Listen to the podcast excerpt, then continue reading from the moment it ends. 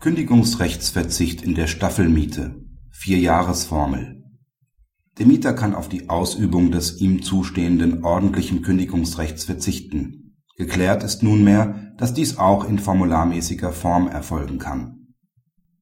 Im Rahmen einer Staffelmietvereinbarung verzichtet der Mieter auf sein ordentliches Kündigungsrecht für zwei Jahre, kündigt aber später innerhalb dieses Zeitraums, so dass er Miete schuldig bleibt.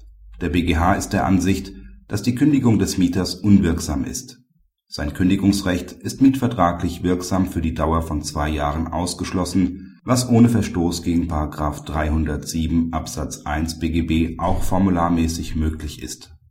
Ist eine Staffelmiete vereinbart, sieht § 557a BGB sogar vor, dass der Ausschluss eines Kündigungsrechts für die maximale Dauer einer solchen Abrede, demnach für vier Jahre, zulässig ist ein formularmäßiger Kündigungsrechtsausschluss, der im Wesentlichen den gesetzlichen Vorgaben in § 557a Absatz 3 BGB entspricht, kann insoweit keine unangemessene Benachteiligung darstellen.